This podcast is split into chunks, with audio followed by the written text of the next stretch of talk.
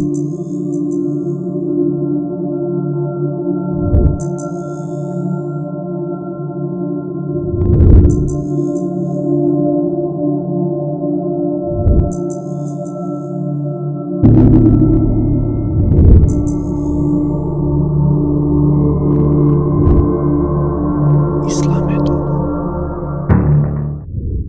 Poštovani pratitelji Islamedu podcasta, dobrodošli u još jednu epizodu. Sa nama je magistrica Đermana Šeta, magistrica u oblasti religijskih studija, autorica i istraživačica u toj oblasti, kao i u oblasti ljudskih prava i drugim bliskim oblastima i temama. Assalamu alaikum i dobro nam došli. Aleikum selam, hvala vam na pozivu. Evo možda da počnemo upravo sa time. A, mislim da smo, evo, sućemo se reći, nakon dugo vremena vas je neko ugostio i evo to smo mi. Nije vas dugo bilo. Evo, sad sam tu. Drago nam je da ste tu. A, iako evo kroz naše a, epizode, kroz naš podcast, igramo i na kartu nečeg iskustva i na kartu nečije stručnosti i tako dalje puno je bilo tema u pripremi ove evo, emisije o kojima bi se dalo s vama razgovarati i možda ćemo ovdje s vama malo u stranu staviti neku širu priču o vašem iskustvu, a malo ćemo se pozabaviti nekim, da tako kažem, e, akademskim stvarima onome što se tiče jeli, e, vašeg akademskog e, puta. Možda i najbolja tema kojom smo mogli odpočeti ovo jeste upravo onaj pitanje islamofobije. Ono što o čemu možemo razmišljati jeste dakle prethodne dvije decenije, dakle ovoga milenija. Religija islama značajno je tematizirana i niz je faktora koji su na to utjecali da ih sad taksativno ne nabrajamo. E, de, desilo se da je religija islama demonizirana, a s druge strane da je muslimans, šira muslimanska inteligencija, bilo da ih nazivamo misliocima, bilo da, da ih nazivamo ulemom, uh, stala u poziciju da opravda ono što je islam, a to je religija mira. Uh, međutim, osim toga, muslimani su postali izloženi islamofobičnim napadima uh, diskriminaciji i tako dalje i tako dalje. U kontekstu toga, e, koliko se zaista promijenilo u, u tom smjeru da se shvati da je islamofobija u stvari postala jedan, uh, jedna globalna pojava. Dakle, uh, doslovno gdje, gdje, gdje imamo u stvari svugdje i da je u istoj toj maniri, eto, maniri islamofobije oživljeno to nasljeđe rasizma za kojeg se mislilo da je ono zakopano. Naravno, mi ovdje možemo govoriti jeli, o islamofobiji kao formi rasizma i tako dalje. Ali evo možda je ovo tema neka da počnemo. A, ja ću pokušati na ovo pitanje da odgovorim kratko, tako da uvedem nas malo u ovu temu i onda nešto govorimo o kontekstu Bosne i Hercegovine. A, u prvom dijelu bih htjela da kažem da kada govorimo o rasizmu, rasizam a, nije zakopan. On je, nažalost, nažalost, živ zdrav. I to je sigurno jedna od matrica kroz koje danas možemo globalno posmatrati svijet. A, kroz tu matricu također a, možemo provući priču o islamofobiji kao rasizmu. Zašto? Zbog toga što kada govorimo o islamofobiji, govorimo o fenomenu u kome se radi o tome da se stvara jedan fiksni, statični muslimanski identitet koji popčava određene karakteristike i fiksira ih i emanira kao date ili zadate za muslimane i za sve one ljude za koje se smatra da su muslimani ili za koje taj neko ko koristi islamofobni narativ želi a, da ukaže da su muslimani, tako da kažem. Vrlo je važno kazati da Uh, fenomen islamofobije mnogo, mnogo više govori o onome ko uh, se koristi islamofobijom nego što govori o muslimanima. Dakle, da biste vi bili uh, meta islamofobije, vi uopće ne morate biti musliman. Dovoljno da onaj ko vas targetira, vas zamisli kao muslimana, uh, zamisli vaš statični identitet, muslimanski identitet a, i projicira na vas ne samo muslimanstvo, nego veoma specifični oblik muslimanstva koji najčešće je demonizirajući. U tom smislu, recimo na našim prostorima, mi vidimo određene recimo, izjave uh, koje se šalju prema nama, gdje se svi u nas posmatra kao muslimane. I to ne samo da smo svi muslimani, nego smo vrlo partikularni muslimani koji su u vrijednostnom smislu obilježeni kao nasilni, obilježeni kao prijetnja, obilježeni kao ljudi kojima se ne smije vjerovati i tako dalje. Mm. I tako dalje.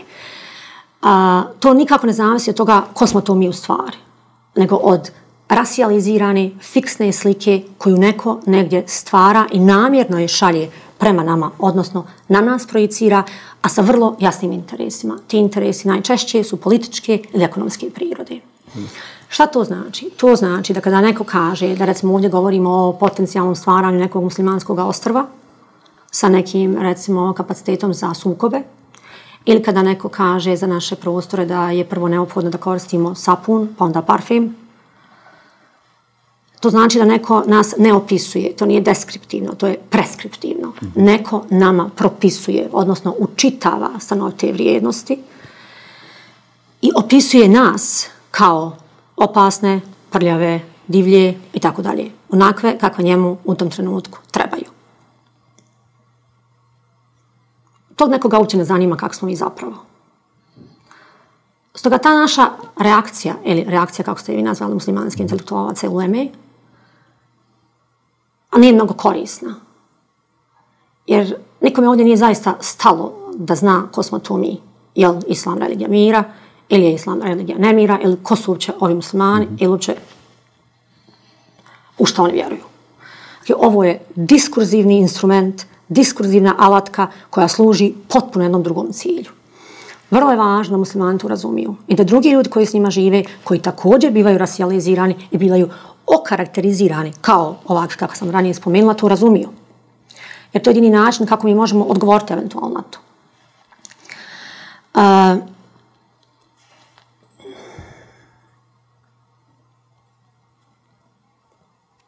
ovdje je važno kazati da kada postoji takav diskurs, bilo šta što vi kažete u svoju odbranu, neće biti mnogo vode, tako da kažem. Čak kad tvrdite, recimo kao reakcija na takve narative, da je islam religija mira. Ili recimo da smo mi drugačiji muslimani, da smo mi umjereni muslimani, da mi živimo islam na drugačiji način, da mi već stoljećima živimo i takav takav islam, kakav već svi poznajemo na ovim prostorima.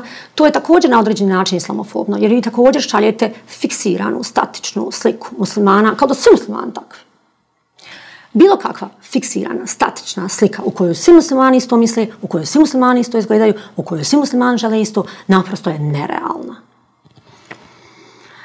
Uh, I to je važno imati na umu.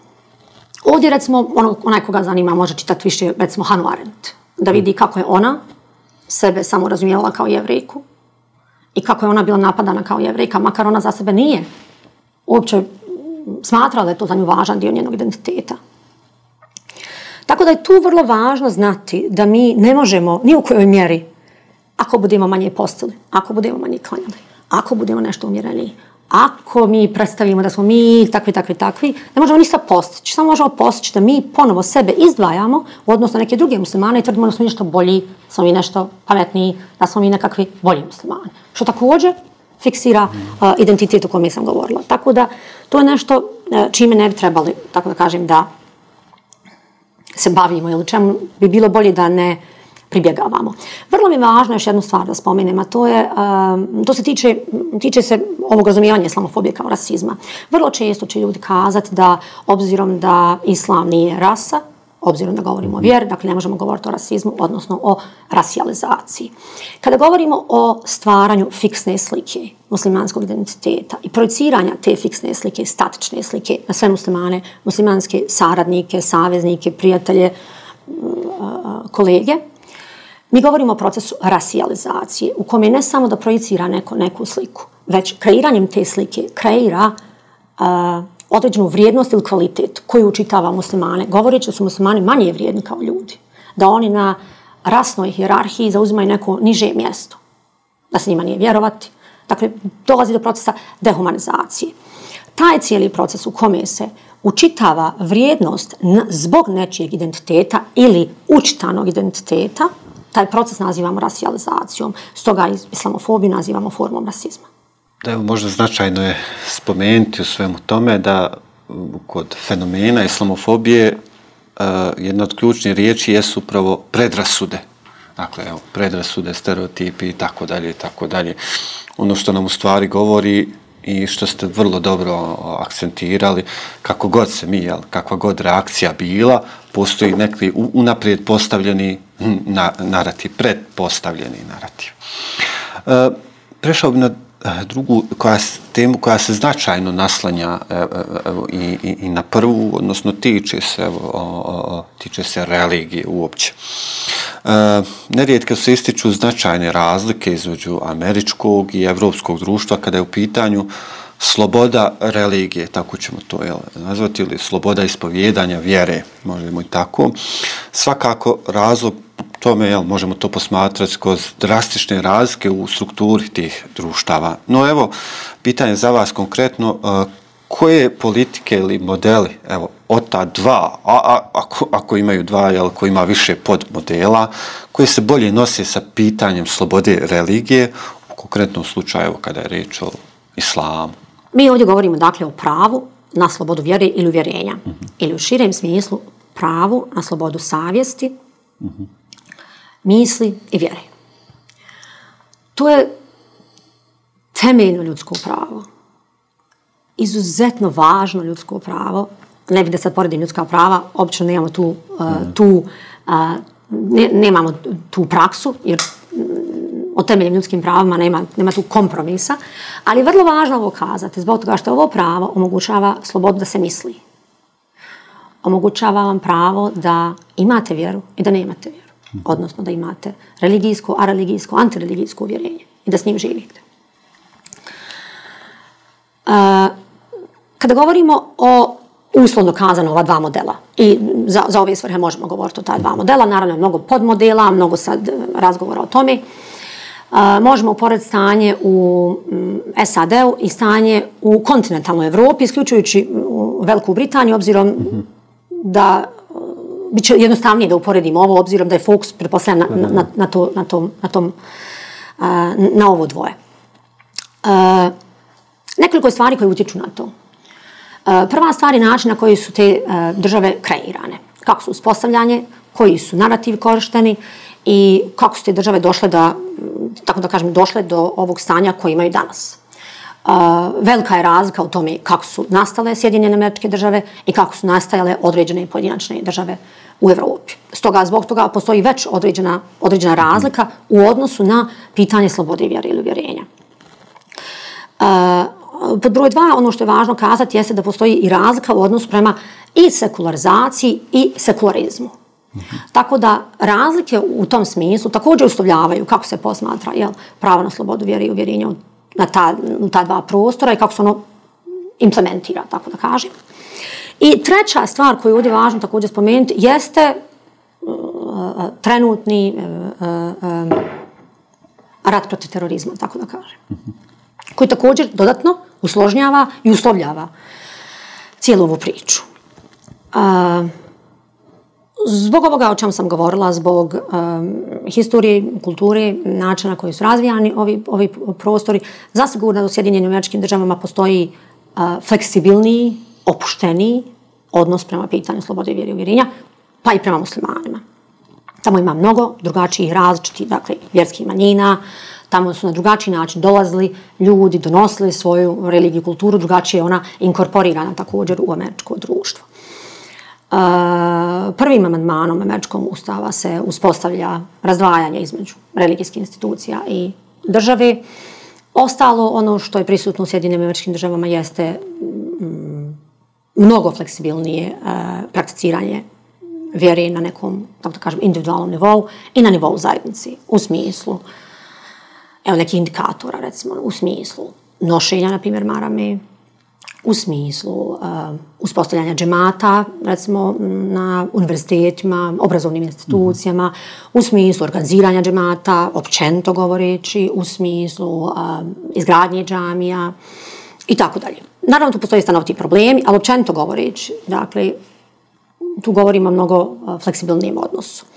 Također, uh, mislim da, da bi se teško Americi moglo desiti ono što se dešava u pojedinim evropskim zemljama, na primjer, da sama država intervenira u način organiziranja islamskih zajednica i da sama država, na primjer, poziva na uspostavljanje nekog tijela i da država bude ta koja uspostavlja neko koordinacijsko tijelo u kome će se organizirati ili koordinirati muslimanske zajednice međusobno, da će država biti ta pod čijem se to ingerencijom radi i tako dalje. Dakle, to se u Americi vrlo teško po, po, po mom razumijevanju može desiti. Uh, rekla bih također da u Evropi, e, nažalost rekla bih, imamo veliki utjecaj francuskog modela. I uh, prelijeva se mnogo u druge evropske države razumijevanje koje postoji u Francuskoj, koje tiče se veoma specifični koncept laiciteta, odnosno sekularizma unutar Francuske, a to razumijevanje je uslovljeno francuskom historijom, njenom kolonijalnom historijom i njenim migracijskim tokovima koji su opet vezani za na veoma partikularni kontekst.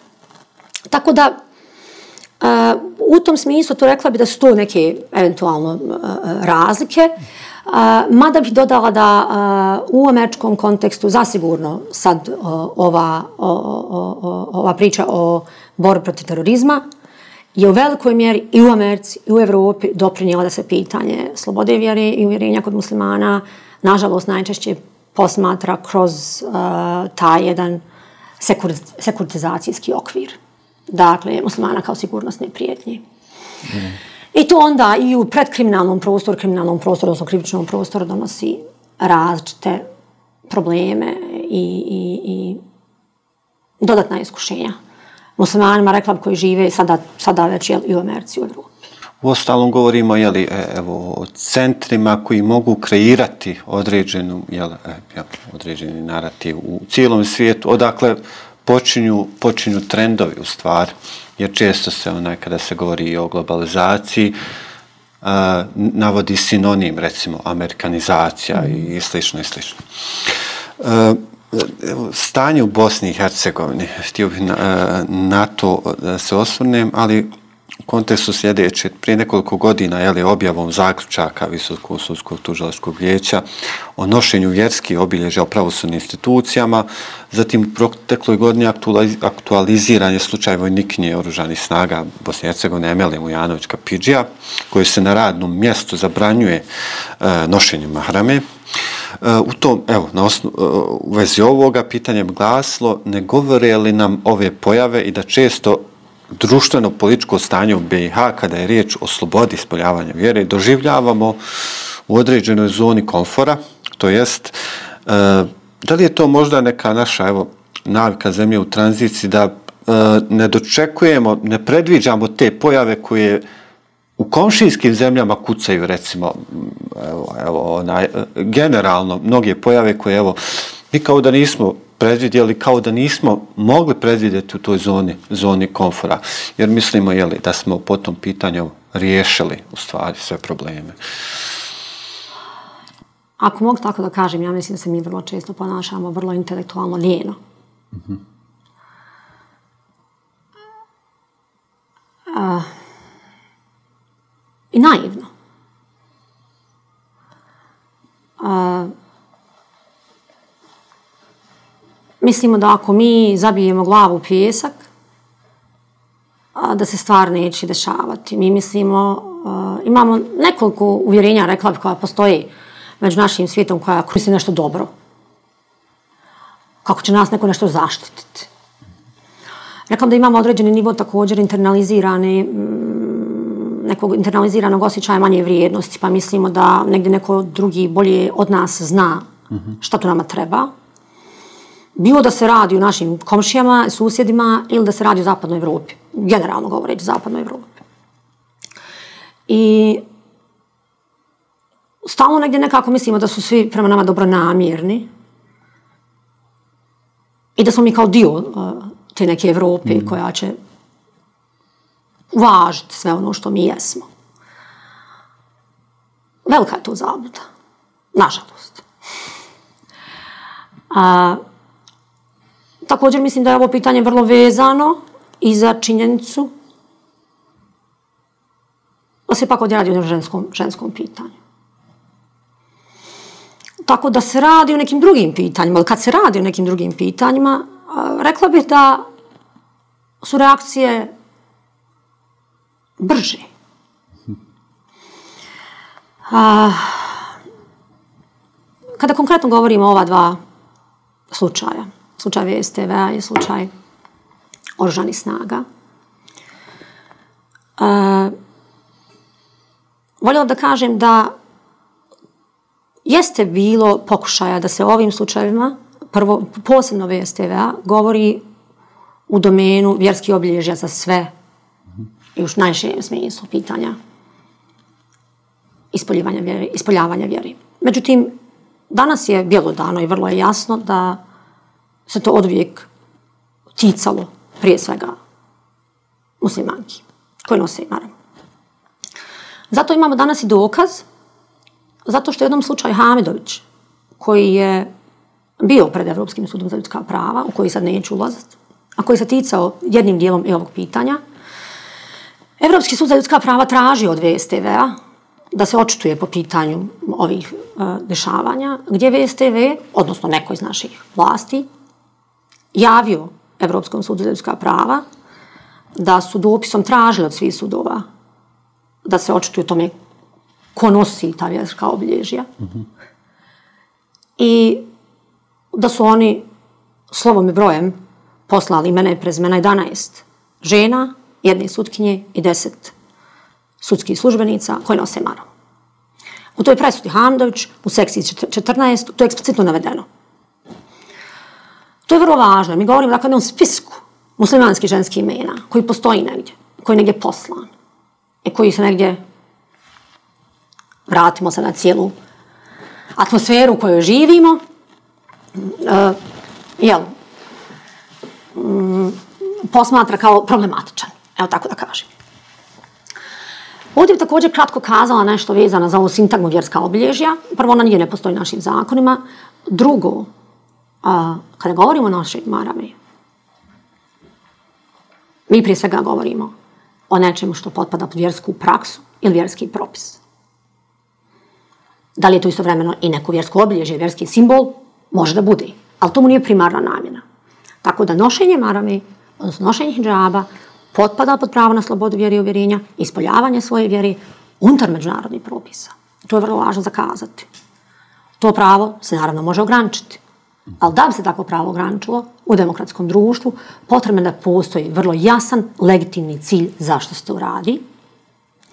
I prema međunarodnim propisima također potrebno je da ukoliko se to ograničava, to ograničavanje bude minimalno, odnosno proporcionalnom potrebama. Legitimni ciljevi koji su mogući da bi se takvo nešto potpuno ograničilo, moraju biti vezani za javnu sigurnost, javno zdravlje, javni moral ili prava i slobode drugih ljudi. Do sada niko, ni u jednom od ova dva slučaja, nije pokazao nikako šta je ovdje stvar legitimni cilj. Ono što se navodilo u oba ova slučaja a, jeste pitanje percepcije javnosti. Pitanje percepcije javnosti nije navedeno nigdje u međunarodnim okvirima kao nešto što se može koristiti kao legitimni osnov za ograničavanje prava. Također važno je kazati da u presudi, posljednjoj presudi vezano za slučaj Emily Kapidžija Mijanović, stoji kao glavni razlog zabraj nošenja marame mogućnost da bi nošenje marame moglo prouzrokovati narušavanje međuljudskih odnosa. To je veoma važno da razumijemo i o tome razmislimo, obzirom da se iz toga izvodi ideja po kojoj ja, ako postojim pod svojim vlastnim uslovima, automatski narušavam nekakve međuljudske odnose. Dakle, samo moje postojanje je problematično za uspostavu međuljudskih odnosa. Tako da, važno je zaista baviti se ovim i razumijeti šta nam tu stvari govori ova atmosfera i uh, poruke ovih slučajeva. Uh, ja vjerujem da će Ustavni sud, na kome je sad ovaj slučaj, donijeti odluku koja je u skladu sa multikulturalnošću i multireligioznošću Bosne i Hercegovine. Jer unutar Evropske konvencije postoji institut koji se naziva Margin of Appreciation ili polje slobodne procjene, koji omogućava da se slobodnom procjenom uvidi kako je stanje u jednoj zemlji, šta su to potrebe te zemlje, kakva je to raznolikost te zemlje, da se omogući takozvana razumna prilagodba. Da se razumno prilagodi onim zahtjevima koji dolaze od građana i građanki kako bi naše institucije služile svima nama, jer su to institucije svi nas. Dakle, ako to ne bude tako, ili ako to nije tako, šta to onda znači za mene kao građanku u ovoj zemlji? Tako da, to je vrlo važno ovdje razumjeti. Uh, mi smo iščekivani te presude, pa ćemo vidjeti šta će s tim biti. S tim što to očito nije, ne samo da nije riješeno, kako ste vi rekli, da.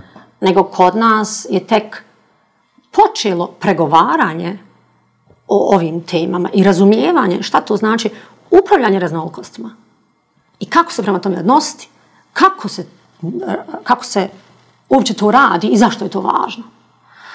Proći još mnogo vremena da mi razumijemo zašto je zašto je to važno, ne samo kad govorimo o maravi, nego kada govorimo o poštovanju uh, ljudskih prava svih ljudi, građana i građanki koji žive na ovim prostorima, bez obzira na njihovu uh, vjersku, etničku, drugu pripadnost.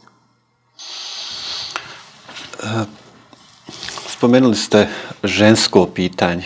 Uh, evo u narednom mome pitanju ponovo je, dakle, jeste žensko pitanje u nešto drugačijem kontekstu, a to je pozicija žene u islamu i jedna od parola, kako po čemu ja to razmišljam, koja je jako naivna i izvedena s pretjeranom dozom podrazumijevanja, ignorisanja ozbiljnog pristupa temeljnim, uh, jel, temeljnim izvorima, uh, temeljnoj tradiciji islama, bila je kao pozicija žene u islamu je jasna. Uh, mislim da, lično mislim da suviše nasjedamo na takvo što. Uh, E, no, svjedoci smo prečesto da pozicija žene među e, među muslimanima, ovo mi je ja, jako važno, među muslimanima, u širjem kontekstu dodao bih i muslimankama, je nezavidna i to je blag izraz. Volio bih kad bismo u tom pogledu progovorili o zloupotrebi izvora islama, ili što proizvodi neka tumačenja koja tek na izgled e, postavljaju ženu u neko pročelje, jeli, na, na neko postolje gdje ona prva i na taj način jeli, koriste se ovim parolama da je jako pozicija žene u islamu jasna, žena je zaštićena ovako, onako i tako dalje. Teško je pitanje, ali evo, kako prepoznati tu zloupotrebu i šta je, jeli, šta je suštinsko u tome? Prvo bih rekla sljedeću stvar, a vratila bi se na ovo prvo pitanje vezano za islamofobiju. Hajmo ga sam nazvati seksizam, postoji kod svih ljudskih bića. On nije karakteristika samo muslimana. I to je vrlo važno kazati ovdje, obzirom da se vrlo često imputira muslimanima da su oni nešto posebno nasilni, da su oni posebno opresivni, da su muslimanke nešto posebno potlačene. I da bi mene od vas trebalo nekako spasiti. To je vrlo važno da stavimo po strani. Ali da razumijemo da seksizam unutar muslimana ili muslimanske zajednice, često kada ga posmatramo, kada o njemu govorimo, uključuje i razmatranje toga kako će to na globalnom nivou ili na tom višem nivou, mm -hmm. tako da kažem, islamofobni narativa izgledati. Jer sve ono što mi međusobno pokušavamo da riješimo, može također biti zlupotrebljeno, pa nam se vraća kao islamofobni narativ. Mm -hmm. Ne znam da li sam ovo dobro objasnila. Ako, a, a, a, I nekada izbjegavamo razgovarati o ovome zbog toga što je to nekakav dodatni materijal nekome da dodatno na nas nas stigmatizira. Da, da. Već smo ranije zaključili. Dakle, taj neko ko želi da nas stigmatizira, će nas stigmatizirati s našim prljavim vešom ili bez našim prljavim veša. I to je vrlo važno da znamo. Do, naravno, razumijeti kada gdje ovom razgovaramo i kako razgovaramo uopće je također vrlo, vrlo važno. To je prvi, prvi kako rekla, prva zagrada. A, sad da pokušam odgovoriti na pitanje, dakle, zloupotreba, kako je prepoznat i šta je suštinsko u tome? mi općenito kad govorimo o seksizmu, dakle mi govorimo o kulturi, sistemu, strukturi, institucijama i interpersonalnim odnosima. Na svakom ovom nivou vi imate određene kodove, određena uvjerenja, određene rečenice, određena ponašanja koja ženu fiksiraju na neko mjesto ili ženi daju uh, određenu ulogu, pa je onda svodu, svod, svode na tu ulogu. Tako da kažem, pokušavam općenito nekako da, da predstavim ovo da bi možda bilo lakše kad govorimo o tom kako prepoznati. Evo, mogu, mogu možda pokušati navesti neke primjere. Evo, razgovarali smo o hijabu, o pokrivanju, odnosno o nošenju maramlje kod muslimanki. Kako hoćete, možemo to zvati.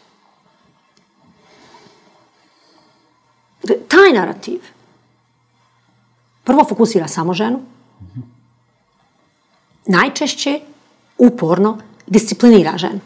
Kako ona treba da izgleda, kako ona treba da se ponaša, šta smije da joj se vidi, šta ne smije da joj se vidi, sa vrlo ovakvim tonom kakav sam ja sad zauzela. Vi to bolje znate od mene. Kuranski ajet koji primarno govori o, recimo, odjevanju muslimanki, u svom prvom dijelu prije svega i prije toga govori muslimanima, odnosno muškarcima. Dakle, zajedno sa preporukama vezanim za žene i za, između ostalog, odjevanje, u istim ajetima postoji preporuke za muškarce, koje jako rijetko čujete zajedno, koje jako rijetko čujete integrirano, koje jako rijetko čujete unutar nečega što ćemo u širem smislu sad zvati, na primjer, etika odnosa među spolovima i islamu. Šta se kod nas dešava? Ovo je samo primjer, dakle da se može to nekako prepoznat. Sužava se taj narativ, fokusira se žena i na ženu se stalno vrši pritisak da je sve do nje, da od nje zavisi sve to što se dešava oko nas, kao da tog prvog dijela ajeta uopće nema. Kao da prvi dio ajeta, recimo, o baranju pogleda i čuvanju stidnih mjesta kod muškaraca, ne govori, na primjer, o jednoj, recimo danas, pornografiji, prostituciji i tako dalje i tako dalje. Dakle, kao da to Bog nije dao. To je jedan primjer. Kako to prepoznavati? Nije to jednostavno prepoznavati, ali najlakše se prepoznaje onda kad imate dvostruki standard. Odnosno kad imate neki fokus na ženama, a taj isti fokus nemate na muškarcu. Ili nešto stalno ukazujete ženama, a to isto ne ukazujete muškarcu.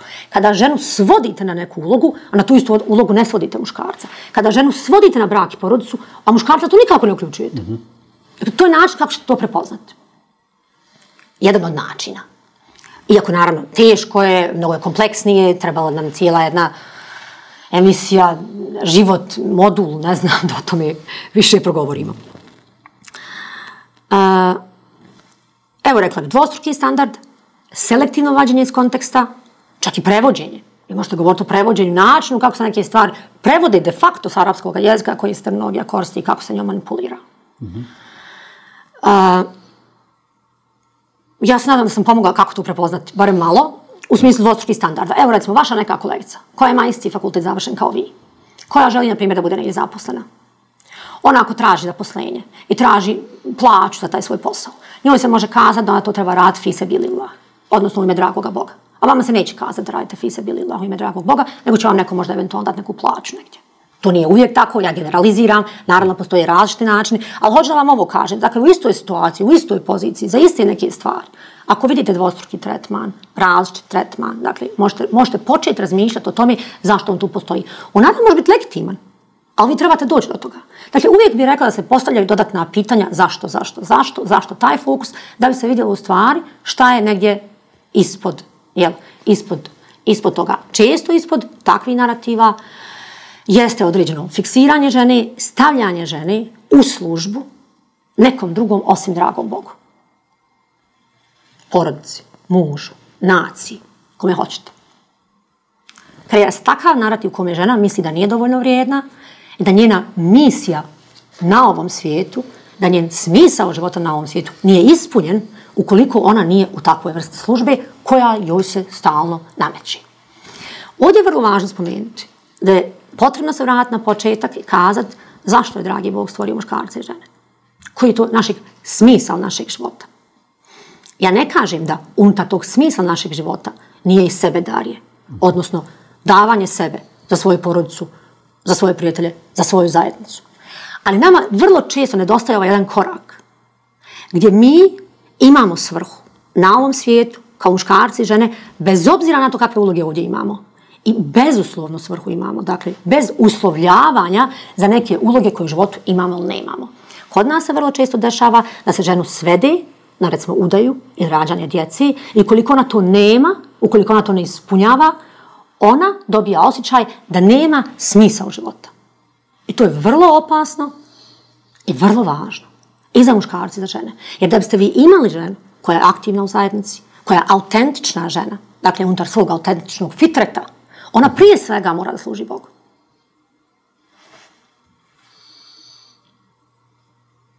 Mislim da ste poprilično jasno i precizno, rekao bi sa nešto drugačijim tonom sve ovo rekli, ali a, nekako je odgovarajući onaj cijeloj temi koju bismo mogli rastočiti u nekoliko rukavaca i mislim da biste vi to i htjeli kad, bi, kad, bi mi, kad bismo insistirali sada onaj, o tome.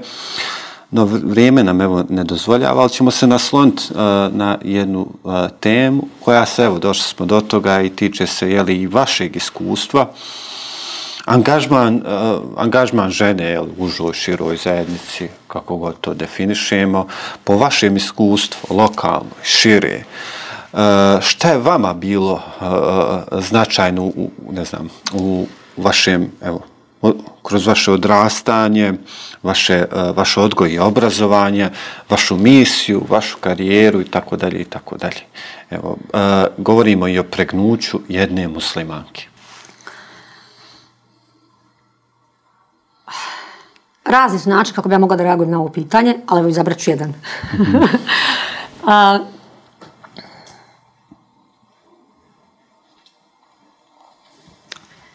Ja sam rođena u Donjem Bakufu.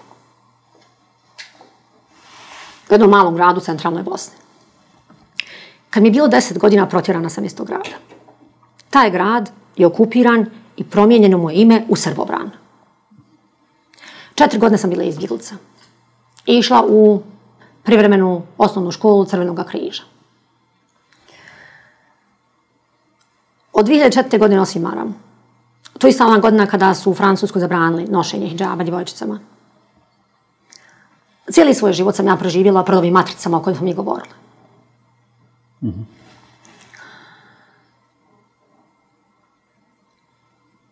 I moj život naprosto obilježen tim matricama. Ja sam rođena u određene matrice. Od mene su već postojala određena, već su postojala određena očekivanja koja sam ja trebala ispuniti. I već je postojala neka sudbina koju meni neko negdje bio namjenio i dan danas mi je namjenjuje. Tako da moj... Ja sam slijedila jedan savjet koji meni dao jedan uh, profesor Tonči Kuzmanč filozofije iz Slovenije na jednom kursu filozofije koji je stalno uporno nama govorio usudite se misliti. Znači, moj jedini savjet ikad, ikom s kim ja radim ili kome nešto pita, jeste usudite se misliti. Sve ove matrice o kojima sam govorila su na neki način meni u mom životu predstavljale određen izazov, kao neki nivo neke igrice koji trebate prekucati da biste razumijeli šta se to oko vas dešava. Ja sam pola svog profesionalnog života bila simultana konferencijska prevoditeljica. Ja sam završila engleski jezik književnost kao dodiplomski studij. Ali nisam imala mira dok nisam uspjela da razumijem ovo o čemu mi danas ovdje razgovaramo, jer je to meni prije svega bilo neophodno za moje lično samorazumijevanje. Dok se niste usudili misliti. Dok se nisam usudila misliti. Tako da, i to nije gotovo. To nije gotov proces. To nikad nije gotov proces. Na tom putu imate greške, imate padanja, imate probleme, imate dileme. Imate najrazličitije vrste iskušenja koje nailaze.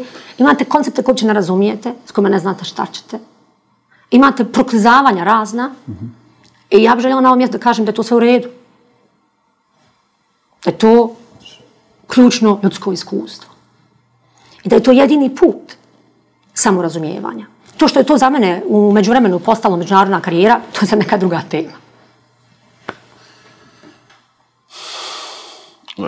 Evo prepliču se ti e, biografski podaci ono, jeli, ono nešto najintimnije otvaralo bi se jeli, ono, ono što čovjek doživljava i proživljava na evo i vi na vašem putu. Nadam se da će evo ovaj i posljednji dio u kojem se dali ovaj jedan savjet, usudite se misliti, biti posebno inspirativan. Bez obzira na sve ovo što smo gore govorili, što je i tekako važno i što smo željeli otvoriti i kako volim kazati, evo, jel, da, da se evo razmišlja o tome, da se upravo to... A, hvala vam a, na vašem odazivu, dvojicu ste vrijeme, evo, podijeli onaj, sa nama što šta od svog znanja, stvar dali zekijat na znanje, kako to profesor Hapsović kaže. Hvala vam. Bog hvala. Drago mi da sam imala tu priliku, drago mi da uh, radite ovo, da će ovo mladi ljudi i svi ljudi koji to žele uh, slušati. Uh, važno da se mi samo razumijevamo. Znate, uh, nije to baš ni bezazleno, tako da kažem, i uh, samo moje postojanje uh, pod mojim kakvim takvim vlastitim uslovima na neki način uh, obesmišljava čitave karijere nekim ljudima. I to je važno imati na umu. Ne samo moje, vaše, nečije drugo. A, mi trebamo nastaviti ovim putem samo razumijevanja uh, kako bi a, poboljšali kvalitet života naših ljudi na ovim prostorima. Hvala vam lijepa na ovom pozivu. Poštovani pratitelji Islamedu podcasta, došli smo do kraja naše epizode i do narednog puta. Esselamu alaikum.